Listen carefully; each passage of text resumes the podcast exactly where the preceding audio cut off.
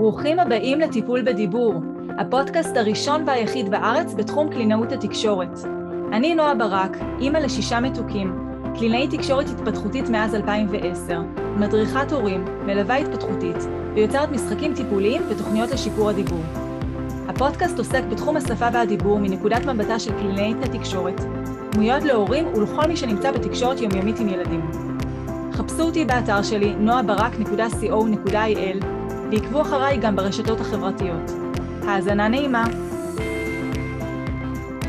שלום לכל המאזינות שלנו. היום נמצאת איתנו הדר אבוטבול עוז. הדר היא אימא לשלושה בנים, קלינאית תקשורת, מתמחה באבחון וטיפול בלקות שפה בקרב ילדים חד-לשוניים ודו-לשוניים, דוקטורנטית במחלקה לבלשנות אנגלית בבר אילן, חברה בוועדה הבינלאומית לרב-לשוניות ורב-תרבותיות של ארגון הקלינאיות העולמי, יזמית של פרויקטים נוספים שהיא בטח תספר לנו עליהם עוד מעט. בקיצור, השראה.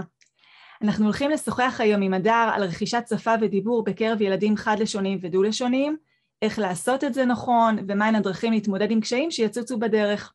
הדר, מה שלומך? בוקר טוב, הכל בסדר, תודה. תודה שהזמנת אותי, אני שמחה להיות כאן. אה, ונתחיל. נתחיל. נדבר על הדברים שמעניינים את ההורים שמקשיבים לנו. בהחלט מעניין. אז אדר, מה זה בעצם אומר דו-לשוניות או רב-לשוניות? מה, מה זה המושג הזה? מה זה אומר? למה זה מתייחס? אה, אז רב-לשוניות או דו-לשוניות, רוב הילדים הם באמת אה, אה, דו-לשוניים, זאת אומרת שהם חשופים לשתי שפות. יש גם ילדים רב-לשוניים, זאת אומרת שחשופים ליותר משתי שפות, אבל ההגדרה בעצם מתייחסת לילדים שמסוגלים לנהל שיחה ביותר משפה אחת.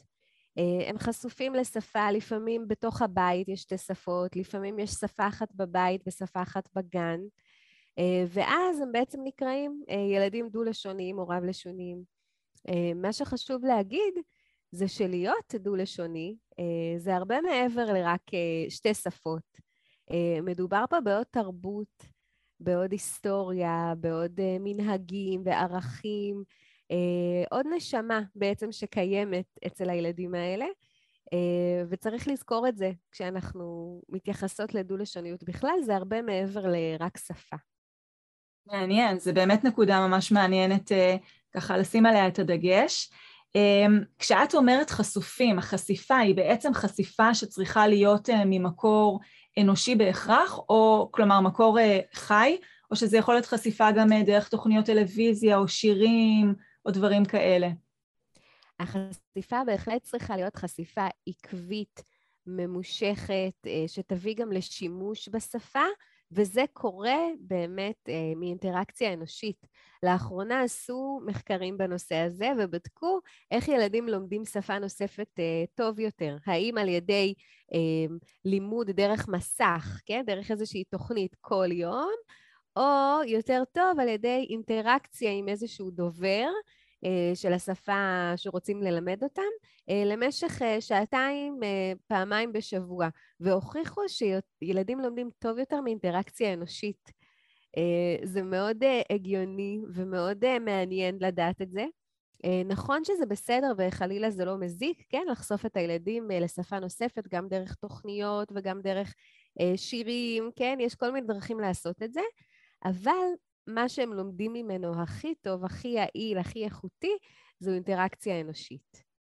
הבנתי, מעניין. למרות שאת אומרת, גם אם האינטראקציה האנושית היא לא עקבית ויומיומית, עדיין זה ייחשב לנו אה, חשיפה שהיא מספיק משמעותית כדי לרכוש שפה.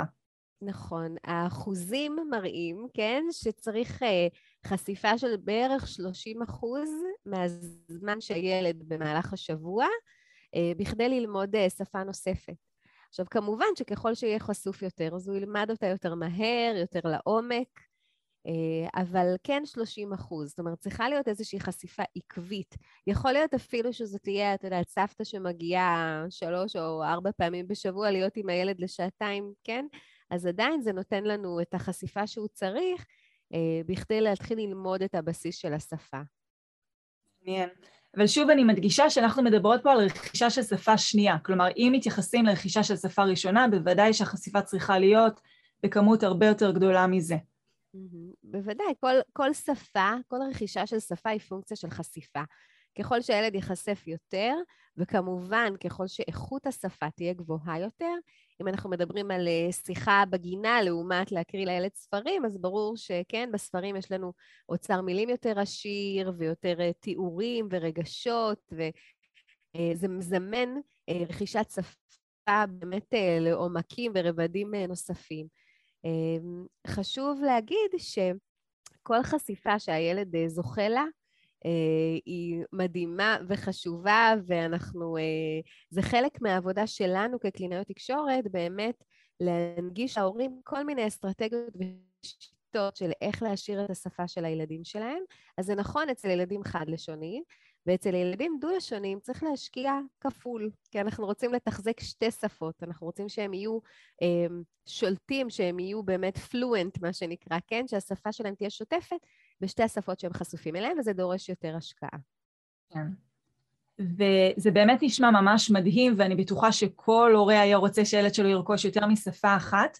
אה, יש לזה גם חסרונות שעלולים להיות? כלומר, זה עלול אה, להשפיע או לעכב התפתחות של שפה תקינה באחת מהשפות או בשתיהן? אה, אז התשובה בגדול היא לא, אוקיי? זה לא מעכב. ילדים שיש בוא, בוא נפר, בואי נפריד, אוקיי? יש שני סוגים של דו-לשוניות שאנחנו מכירים ויודעים עליהם בספרות. יש כל מיני, אבל שניים עיקריים. יש ילדים שהם דו-לשוניים סימולטניים, זאת אומרת שהם רכשו שתי שפות במקביל, מגיל אפס, מגיל שנה, עד גיל שנתיים, כן, בערך הם נחשבים דו-לשוניים סימולטניים. זה יכול לקרות כשיש שתי שפות בבית במקביל, אבא מדבר שפה אחת עם השפה האחרת, וזה יכול לקרות כאשר בבית מדברים שפה אחת ובגן מדברים עברית בדרך כלל, אה, או גם שפה אחרת. היום יש הרבה גנים שהם אה, גנים רב-לשוניים ולומדים דווקא בגן שפה אחרת מעברית. מעבר לגיל שנתיים, אם ילד נחשף לשפה נוספת, הוא כבר נקרא דו-לשוני עוקב. Okay? אוקיי? זאת אומרת שהוא רכש בסיס בשפה אחת, שהיא שפת הבית, ו... עכשיו נחשף לשפה נוספת, גם זה משהו מאוד נפוץ פה בישראל, אפילו יותר נפוץ מעידוד לשוני סימולטני. אמ, כאשר ילדים רוכשים שתי שפות במקביל, אין שום סיבה שיהיה עיכוב. הם רוכשים את שתי השפות במסלולים מקבילים, יש דברים שהם אה, אה, חופפים בין השפות, יש דברים שלא, אבל הם יודעים לעשות את ההפרדה, הם לא מתבלבלים, הם אמורים לרכוש את שתי השפות במקביל, אלא אם כן, כמובן, יש קושי שפתי. אבל הקושי השפתי או העיכוב הוא לא קשור לדו-לשוניות בכלל. זה אחד. אמ, לגבי ילדים שהם דו-לשונים עוקבים, אוקיי? שהם בעצם נכנסים למשל לגן עירייה אה, בגיל שלוש או בגיל ארבע, אחרי שהם היו חשופים רק לשפה אחת במסגרת הבית, או גן שדובר את שפת הבית, אמ, אז הם נכנסים לגן אה, דובר עברית, והם צריכים להתחיל לרכוש את העברית. עכשיו, זה לא שייקח להם שנתיים, כן, לרכוש כמו שהם היו תינוקות, ואז בגיל שנתיים, או כן, שנה, שנה וחצי, יש כבר מילים וצירופים. הם עושים את אותם השלבים מהר יותר. אבל עדיין, לוקח בערך שנתיים, אה, שנה וחצי, שנתיים, עד שיש שליטה ככה מאוד אה, שוטפת בשפה. אנחנו כן מצפים שאחרי שלושה, ארבעה חודשים, כבר הילד יתחיל להגיד כמה מילים בעברית, כן? זה כמובן תלוי כל ילד ביכולות שלו, אמ, אבל המיתוס הזה גם, כן, שילדים רוכשים מהר וצ'יק צ'אק וזה, לא, זה לא תמיד ככה, לפעמים זה לוקח זמן וזה בסדר. כל עוד יש לנו שפה אחת שהיא תקינה ונכונה, אה, אז אנחנו לא מודאגים, אוקיי? אנחנו פשוט צריכים להשקיע יותר אה, בשפה שהילד נחשף אליה עכשיו בגן, כדי שהילד ירכוש אותה יותר מהר. עכשיו, מכיוון שלוקח זמן ללמוד שפה נוספת, אני באופן אישי, אה, כשהורים שואלים אותי, אני ממליצה אה, להכניס לגן עירייה בגיל שלוש, אה, כדי לחשוף את הילד כמה שיותר מהר לעברית, לצד, כמובן, שפת הבית. חלילה שלא ישתמע מזה שצריך לוותר על שפת הבית, בשום פנים ואופן לא. אלא ליצור את האיזון הזה של 50-50, שהוא האיזון שמניב הכי הרבה יתרונות לילדים דו-לשוניים. אנחנו מדברים על יתרונות קוגנטיביים, הם ילדים שיש להם יכולות אה, קוגנטיביות. אה, אם אנחנו מדברים על יכולות של תפקודים ניהוליים, זה קצת, אני לא רוצה להיכנס יותר מדי לצד מדעי, כן? אבל יש להם יכולת יותר טובה להקשיב, למיין, להפריד עיקר להיטפל, אה, לנהל שיחות עם אנשים אחרים, לספר סיפור. זאת אומרת, יש המון המון המון יתרונות להיות דו-לשוני, וכאשר אנחנו בעצם אה, מכניסים אותם לגן וחושפים אותם לעברית, אנחנו שומרים בבית על שפת הבית, גם חושפים לעברית, אז אנחנו נותנים להם את היתרונות בשתי השפות, ונותנים להם זמן לרכוש את העברית לפני הכניסה לבית הספר.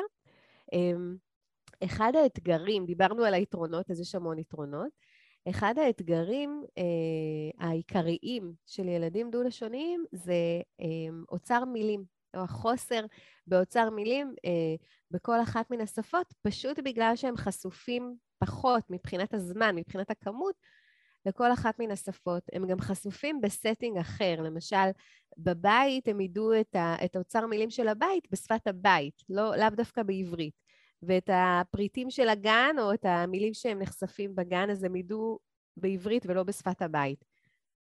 ולכן מאוד מאוד חשוב להשקיע אה, ברכישה של אוצר מילים, בחשיפה לאוצר מילים מגוון בשתי השפות, כדי שהם אה, בעצם אה, ידביקו את הפער, כן? על זה שהם אה, פחות חשופים מבחינת הכמות, אבל עדיין, אם אנחנו בזמן שאנחנו נמצאים איתם וחושפים אותם, אנחנו ניתן להם כמה שיותר מילים בשפה שאליה הם חשופים כרגע, אז הם בעצם יגיעו למצב שהם מסוגלים להבין ולהביע הרבה מילים באותה שפה.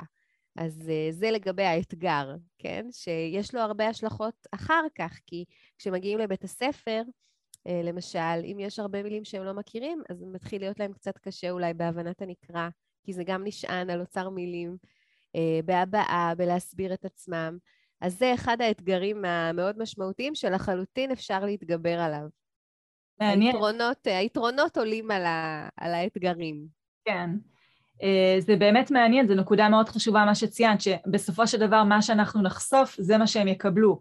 אז אם ב setting מסוים אני חושפת לאוצר מילים מסוים, זה מה שהם יקבלו באותה שפה, ו- וצריך באמת כל הזמן שזה יהיה במודעות שלי, שאני צריכה את, אה, לגוון גם ב...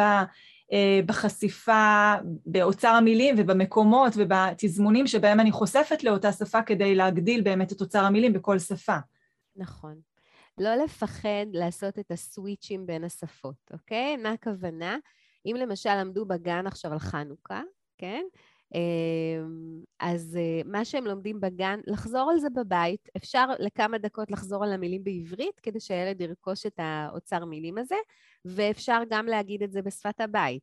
זאת אומרת, כל הזמן לעשות את ההקבלות האלה, להגיד לילד, ככה אומרים בעברית, ככה אומרים באנגלית, ככה אומרים בעברית, ככה אומרים בצרפתית, כן? לא משנה. לא לחשוש מהמעברים האלה. הילדים מבינים, כן? זו הגמישות, זה היתרון שיש להם ילד, ילד, על ילדים חד-לשוניים. הם יודעים שככה אומרים בשפה הזו וככה אומרים בשפה הזו, ואפשר לעשות את ההקבלות האלה, זה רק יעשיר אותם וייתן להם הרבה יותר אה, אה, אפשרויות. זה גם מסתדר, מסתדר לנו עם מה שאנחנו יודעים על הבשלות המוחית, אנחנו יודעים שקצב התפתחות המוח בגילאים הצעירים הוא מאוד מאוד מהיר, ולכן החשיפה הזאת בגיל צעיר היא מתאפשרת יותר בקלות. נכון. ככל שחושפים אותם מוקדם יותר, ככה הם רוכשים את השפה טוב יותר ומהר יותר. ככל שמחכים, אה, למשל, אני רואה הרבה ילדים שלמרות שהם נולדו בישראל, אה, הם מגיעים לגן עירייה למשל בגיל חמש. כן? ואז אה, הם רוכשים את העברית, כן? לא שהם לא, פשוט יותר קשה להם להדביק את הפער מבחינת אוצר מילים, כי, כי צריך זמן, בכל זאת צריך זמן לרכוש שפה. אה, ובעצם עד גיל חמש הם היו חד-לשוניים. אז היתרונות של הדו-לשוניות קצת הולכות, הולכים לאיבוד פה בדרך. אה, אז אני יכולה להגיד שזה מה שאני ממליצה, אה, אבל כמובן, כמובן שזאת החלטה הורית לחלוטין. אוקיי? יש כל מיני אילוצים אחרים שמשפיעים על ההחלטה, וזה משהו שההורים אה, כמובן מחליטים אה, עבורם, עבור הילד שלהם. אה, זה רק, אה, התפקיד שלנו זה לתת את הידע, זאת אומרת, זה להגיד, תקשיבו, לוקח זמן, לוקח שנתיים אה, לפחות, אה, בעצם להגיע לשליטה מלאה בשפה. אז אנחנו כן רוצים לתת לילדים את האפשרות הזו. כן, זה גם משך הזמן וגם כמו שאנחנו יודעים, עד גיל חמש המוח מגיע כבר ל-90% מהבשלות שלו, זאת אומרת שיכולת ההשפעה שלי פה על המוח בגיל חמש היא תהיה יותר אה, נמוכה, או ייקח לי בכל מקרה יותר זמן לעומת גיל שנה, ששם... דורש הרבה יותר השקעה, כן, בהחלט. וכשאנחנו בעצם מדברים על חשיפה, ואת מדברת על זה, נתת את הדוגמה של חנוכה, שההורה בבית חוזר אה, על אוצר המילים גם בעברית וגם אחר כך בשפת הבית, בשפת האם. Mm-hmm. אנחנו מדברים על אותו הורה שחושף את הילד לשתי השפות, או שההמלצה היא אחרת? אה, אין, אה, יש גישה כזו שנקראת one parent, one language, שכל הורה הוא מדבר בשפה אחת והוא לא מחליף והוא לא מערבב והוא לא משנה. אה, יש המון מחקרים בתחום הזה, לא הוכיחו ששיטה אחת היא יותר טובה מהשנייה, זה חשוב לי להגיד. Uh, אני חושבת שבדו-לשוניות uh, אמיתית, זאת אומרת, גם ההורים, הם עושים כל הזמן את ה-code switching הזה, זה נקרא, כן? את ההחלפת קוד. הם מחליפים בין השפות, הם עוברים בין השפות. הילד יודע שכן, אימא מדברת איתו אולי בשפת הבית, אבל בחוץ הוא רואה אותה גם מדברת בעברית. זאת אומרת, הוא יודע שהיא מדברת גם וגם, אם אכן זה המקרה, כן? Uh, הנקודה היא שההורים צריכים לדבר בשפה שהיא הכי... אה, שהם מרגישים בה הכי בנוח, שהם שולטים בה הכי טוב. מאוד מאוד חשוב שהאיכות של השפה שהילד ייחשף אליה היא תהיה איכות טובה, ולכן לדבר בשפה שאני לא שולט בה לגמרי זה משהו שהוא מאוד מורכב. יש הרבה הורים למשל שבוחרים לדבר עם הילדים שלהם אנגלית, מתוך רצון באמת שהילדים ישלטו וייחשפו, ו... וזה דבר מדהים ונכון, אין שום בעיה לעשות את זה, אם באמת השפה היא איכותית מבחינת הדקדוק שלה. המבטא, דרך אגב, לא משנה, אוקיי? גם אם יש איזשהו מבטא, זה ממש לא משנה לרכישת השפה. אמ, רק התחביר, המורפולוגיה, זאת אומרת, הדקדוק, החוקים של השפה, חשוב שהשפה תהיה תקינה ואז לחשוף.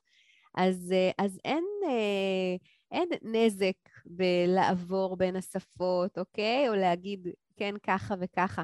תראו, בסופו של דבר, הסביבה, ככל שהילדים גדלים, הסביבה אה, היא חזקה. אה, והילדים בדרך כלל ידברו את שפת הסביבה, בין אם זה, אם גרים בישראל אז ידברו עברית, ואם גרים בארצות הברית אז ידברו אנגלית וכן הלאה. אבל אני כן אומרת תמיד להורים לא לוותר. זאת אומרת, להמשיך, אם לכם חשוב שהילד יישאר, כן, וידע את שפת המורשת, את שפת הבית, ואתם מרגישים בנוח לדבר בשפת הבית, תמשיכו לדבר בה, גם אם הילד עונה לכם בעברית, זה בסדר. היא תהיה שפה פסיבית, מה שנקרא, זאת אומרת, היא תהיה לו איפשהו שם ב, אה, בראש, וכשהוא יצטרך אותה, הוא ידע לשלוף אותה, הוא ידע להשתמש בה. אה, ולכן לא לוותר, גם אם הילד עונה בעברית. אז גם אתם יכולים לעשות את הסוויצ'ים האלה וזה בסדר, וגם אפשר להמשיך ולדבר איתו בשפת הבית אם זה מה שחשוב לכם ונכון לכם לגמרי. אה, וזה זה, זה יוכיח את עצמו בהמשך, אז לא לוותר. ממש חשוב, החיזוקים האלה. אמ, ואם בכל זאת ילד יש לו את ה... את ה... הוא מפתח עיכוב שפתי, אז האם העיכוב השפתי הוא יהיה זהה בשתי השפות מבחינת החומרה שלו או לא בהכרח? אז אני אעשה סדר במובן הזה. אה, כי יש הבדל בין איזשהו איחור, שלפעמים אה, עד גיל שלוש אנחנו רואים קצת איחור, ואז פתאום יש ככה אה, פרץ של למידת שפה, והילדים מדביקים את הפער לאט-לאט, לבין ילד עם לקות שפה התפתחותית. ילד עם לקות שפה התפתחותית נולד עם לקות שפה. הוא לא מפתח אותה, הוא נולד עם לקות שפה. השכיחות של לקות שפה התפתחותית היא 7% באוכלוסייה. זה זהה בין חד-לשוניים לדו-לשוניים, אין, אה, אין קשר בין לקות שפה לדו-לשוניות. אה, ואם ילד הוא לקוי שפה, הוא יהיה לקוי שפה בכל השפות שלו. Okay? אוקיי? זאת אומרת, לא יקרה מצב ששפת הבית תהיה תקינה ורק בעברית הוא לקוי שפה. אמ, עכשיו, במידה ואנחנו באמת מדברים על ילד עם לקות שפה, שגם בשפת הבית היה לו מאוד מאוד קשה לרכוש את החוקים של השפה, ומאוד קשה ללמוד איך בונים משפט נכון, ואיך עושים את ההטיות הנכונות. אה, ואז הוא מגיע לגן, ופתאום יש גם את העברית שהוא צריך ללמוד, שזה עוד עומס. אמ, זה אומר שצריך להשקיע מאוד מאוד מאוד כדי שהוא ילמד את שתי השפות. אה, חשוב לי להגיד, אנחנו לא ממליצים, ואין שום הצדקה מחקרית אה, להמליץ להוריד שפה אחת, ממש לא. אה, ילדים דו-לשוניים לקויי שפה מתפקדים אותו דבר כמו ילדים חד-לשוניים לקויי שפה. אה, מבחינה קוגניטיבית יש להם יותר יתרונות. כל היתרונות שציינתי קודם לדו-לשוניות, הם נמצאים גם אצל ילדים עם לקות שפה. ולכן אנחנו לא ממליצים להוריד שפה, אני אפילו לא נכנסת לכן, מה המחיר הרגשי של זה, כמה זה חשוב לשמור על שפת הבית והשפה שלה, שהרי הילד גדל איתה, וזו השפה גם שהוא יודע עד עכשיו. אז פתאום להגיד לו, לא, זהו, עכשיו כל מה שלמדת תמחק, מתחילים מאפס, שגם ככה נורא נורא נורא קשה לו. אז uh, צריך לחשוב איך עושים את זה בהדרגה, ולאט לאט ככה גם חושפים את העברית ומלמדים לאט לאט, אבל אין שום uh, סכנה, כן, בזה שהוא ישמור על שתי השפות, ובטח ובטח שלא הדו-לשוניות גרמה לקושי השפתי.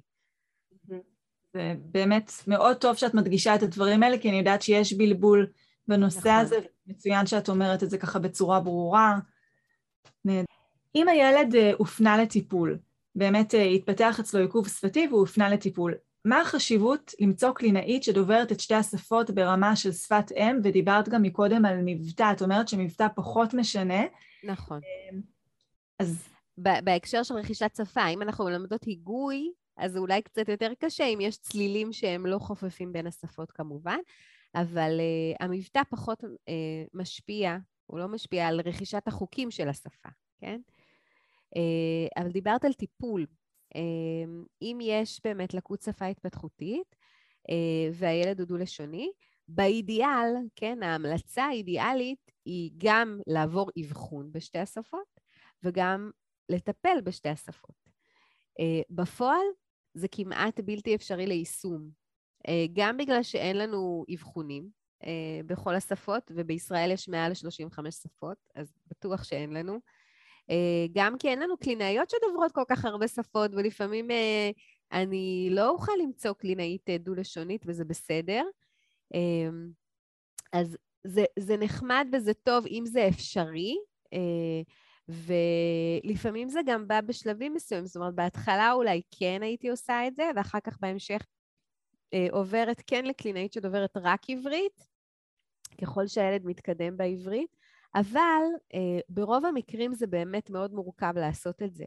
ואני רוצה להרגיע ולהגיד שברגע שהילד כבר נחשף לעברית, כן? אה, אם הילד לא חשוף לעברית בכלל, אז לא הייתי ממליצה ללכת לקלינאית דוברת עברית, כי כאילו אין סיבה לעשות את זה. אם הילד לא חשוף באופן עקבי לשפה, אז אין טעם לטפל בו בעברית. אבל ברגע שהילד נכנס לגן דובר עברית והוא כבר חשוף לעברית, או חשוף מהבית, אה, גם לטפל רק בעברית נותן בהחלט, בהחלט את, ה, את הצורך, כן? או, את, או נותן את המענה למה שהילד צריך, אה, משתי סיבות. אחת, הבסיס לרכישת שפה הוא, מבוס, הוא משותף לשתי השפות, אוקיי? זה לא משנה. ולכן, גם כשאנחנו נעבוד בשפה אחת, האסטרטגיות, הדגש שאנחנו שמות על דברים מסוימים, לחלוטין משליך גם על השפה השנייה, זה נקרא Cross-Linguistic Transfer. יש מעבר בין השפות. אני יכולה להגיד לכם, אה, לתת דוגמה, אני טיפלתי בילד שדובר סינית. אין שום קשר, כן? כהוא זה בין סינית לעברית. אני בטח ובטח לא יודעת סינית. אה, והאימא כל הזמן הייתה אומרת לי, אני לא מאמינה, אני לא מאמינה איך הסינית שלו השתפרה, אוקיי? זה פשוט מדהים. יש כל הזמן את המעברים האלה. דבר שני, אנחנו משתמשים במשאבים, כן, ש, שנמצאים, זאת אומרת ההורים. אם אני עושה משהו בעברית בטיפול, אני אומרת להורים, מה שאני עושה פה בעברית, אתם גם חוזרים בבית, בעברית זה מאוד חשוב, אם ההורים לא יכולים לעשות את זה, אז כן למצוא מישהי, מישהו שיכול לעשות את זה. לחזור על זה עשר דקות ביום, רבע שעה ביום בעברית. שאר הזמן מתנהלים כרגיל בבית, מדברים בשפת הבית, אבל לחזור על הדברים האלה גם בשפת הבית. אוקיי? Okay? וככה בעצם לחזק את שתי השפות. אז זה אפשרי, גם אם לא תמיד יש לנו, אה, ברוב הזמן אין לנו קלינאית אה, דו-לשונית. נכון, זאת נקודה מאוד חשובה. מה שאמרת באמת, שהטיפול אף פעם לא מתחיל ונגמר בקליניקה, הוא תמיד חייב לחלחל הביתה כדי שנוכל לראות באמת את השינוי שם. חייב. חייב. אני יודעת שהרבה הורים עכשיו uh, שומעים אותנו, שומעים, שומעות, אבות, אימהות, uh, להבין שאנחנו, כן, כקלינאיות, אנחנו שביעית, אני אומרת תמיד, אנחנו פעם אחת בשבוע. Uh, כל העבודה, רוב העבודה, צריכה להיעשות על ידיכם בבית. זה לא קל, זה ממש לא פשוט למצוא זמן בשגרה המטורפת שלנו, באמת, ועם עוד ילדים בבית, ו- וכל מה שיש לנו על הראש. אה, בטח כאימא אני יכולה להבין את זה. אה, וגם לי ילד, ש... יש לי ילד שנמצא בטיפולים ואני רצה איתו, ואני חושבת תמיד איפה, רגע, איפה אני מכניסה גם את התרגול הזה בנוסף. אה, חשוב לחשוב יחד עם הקלינאית, איזו דרך מתאימה לכם כדי לתרגל? האם מתאים לנו לתרגל עם דף עבודה? האם מתאים לנו לתרגל במשחק? האם מתאים לנו לתרגל על הדרך כשאנחנו חוזרים מהגן? אוקיי? יש כל מיני דרכים לעשות את זה. דברו על זה עם הקלינאית שמטפלת בילד, תמצאו את הדרך שהכי נכונה לכם, ואתם תראו את ההתקדמות. נכון, נקודה מאוד מאוד חשובה. Um, היית רוצה לשתף אותנו באיזשהו מקרה מעניין מהקליניקה? המקרה באמת עם הילד עובר סינית זה ממש באמת מפתיע ומעניין. זה מדהים היה לראות את זה, כן. Uh, וואי, אני רוצה לשתף במשהו, דווקא שיש לו איזשהו פן תרבותי. אוקיי? שזה משהו שלא כל כך דיברנו עליו, אה, כי התמקדנו בשפה, אבל כמו שאמרתי בהתחלה, אה, שפה היא, זאת אומרת, שפה נוספת, הדו-לשונות היא הרבה מעבר לשפה. נכנסים פה המון אלמנטים, אה, ובישראל יש לנו המון קהילות שונות. יש לנו עלייה ממקומות שונים, ואני טיפלתי בילדה שבבית דיברו מיזו. מיזו זו שפה מהודו, אה, של, מאזור מסוים. אה, והילדה הגיעה לטיפול והתקדמה מאוד מאוד יפה באמת אה, בעברית, וההורים עבדו איתה בבית, ואין מילים, באמת, פשוט תענוג. מה שרציתי לספר בהקשר הזה זה שהסבתא מהודו הגיעה לביקור, והיא לא הבינה על מה המהומה, מה, מה אנחנו רוצים מהילדה. היא אומרת כמה משפטים, היא אומרת כמה מילים, זה מספיק. אוקיי? כך, כך, זה, זה מה שקורה אצלם, אוקיי? Uh, התרבות המערבית היא תרבות מאוד ורבלית, היא תרבות מאוד חופרת, אני קוראת לה, כן? כי אנחנו כל היום שואלים את הילד, איזה צבע זה? מה עשית? מה ראית? מה אתה רואה פה? מה אתה חושב? אנחנו מאוד כאלה. Uh, וזה לא ככה בכל התרבויות. Uh, וגם את זה צריך לקחת בחשבון כשאנחנו uh, מתנהלות בעצם, כן, גם בקליניקה וגם בכלל. אז, אה, אז הורים ש, ששומעים אותנו ובאים, אז כן, אז גם לשתף את הקלינאית בזה. במה נהוג אצלכם בבית? איך אתם... אה, אה, איך השיחה בכלל מתנהלת? יש מחקרים שלמים על זה. בישראל הילדים בשולחן, בדקו משפחות מסביב לשולחן ביום שישי. כן, משהו נורא נורא מעניין. כאילו בישראל הילדים לגמרי הם דומיננטים, לגמרי מובילים את השיחה. Uh, בטורקיה המבוגרים מדברים, הילדים לא מדברים בשולחן, אוקיי? זאת אומרת, יש כל מיני דברים שצריך לקחת בחשבון, אז כן, אז גם לשתף את הקלינאית ולחשוב ביחד איך עושים את ההתאמות האלה. uh, כדי לקדם את הילד כמה שיותר. כי כולנו פה בסופו של דבר בשביל הילדים שלכם uh, ובשביל לתת להם את כל האפשרויות.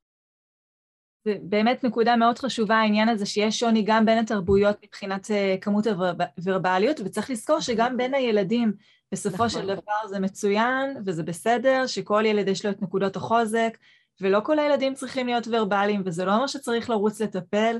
נכון. מה שכן, אנחנו רוצים להנגיש להם את האפשרות, את היכולת, שאם הם ירצו לשתף, אז הם יוכלו לעשות את זה בצורה הכי טובה. נכון. לגמרי נכנס פה אלמנט של אופי, כן? טמפרמנט של הילד, אופי של הילד, אמ, וצריך לזכור את זה. אנחנו נולדים, ככה יש לנו איזה מין כזה טווח, כן? טווח יכולת, אה, ושהוא אה, מושפע מהמון המון דברים, אבל אנחנו יכולים לשחק, כן, בתוך הטווח הזה. וזה בסדר לגמרי אם לא כל ילד יעמוד וינאם במפגש ויענה תשובה של, כן, של 50 מילים. אה, זה גם בסדר לגמרי לענות תשובה של, אה, של פחות, אה, אבל באמת שיהיו לילד את הכלים, זאת אומרת שמבחינת היכולת שלו לבנות משפט נכון, להעביר מסר, אוקיי? אנחנו כל הזמן כקלינאיות, מה שחשוב לנו זה בעצם התפקוד בשטח. לא אכפת לי איזה מבחן הוא עבר או לא עבר, לי חשוב שהילד יוכל לחזור מהגן ולספר, לספר מה עבר עליו, איך הוא מרגיש. חשוב לי שהוא יהיה מסוגל לנהל משא ומתן עם חבר שלו בחצר על משחק שהוא רוצה. כן, אנחנו מדברים על הדברים האלה היומיומיים שהם מה שחשוב.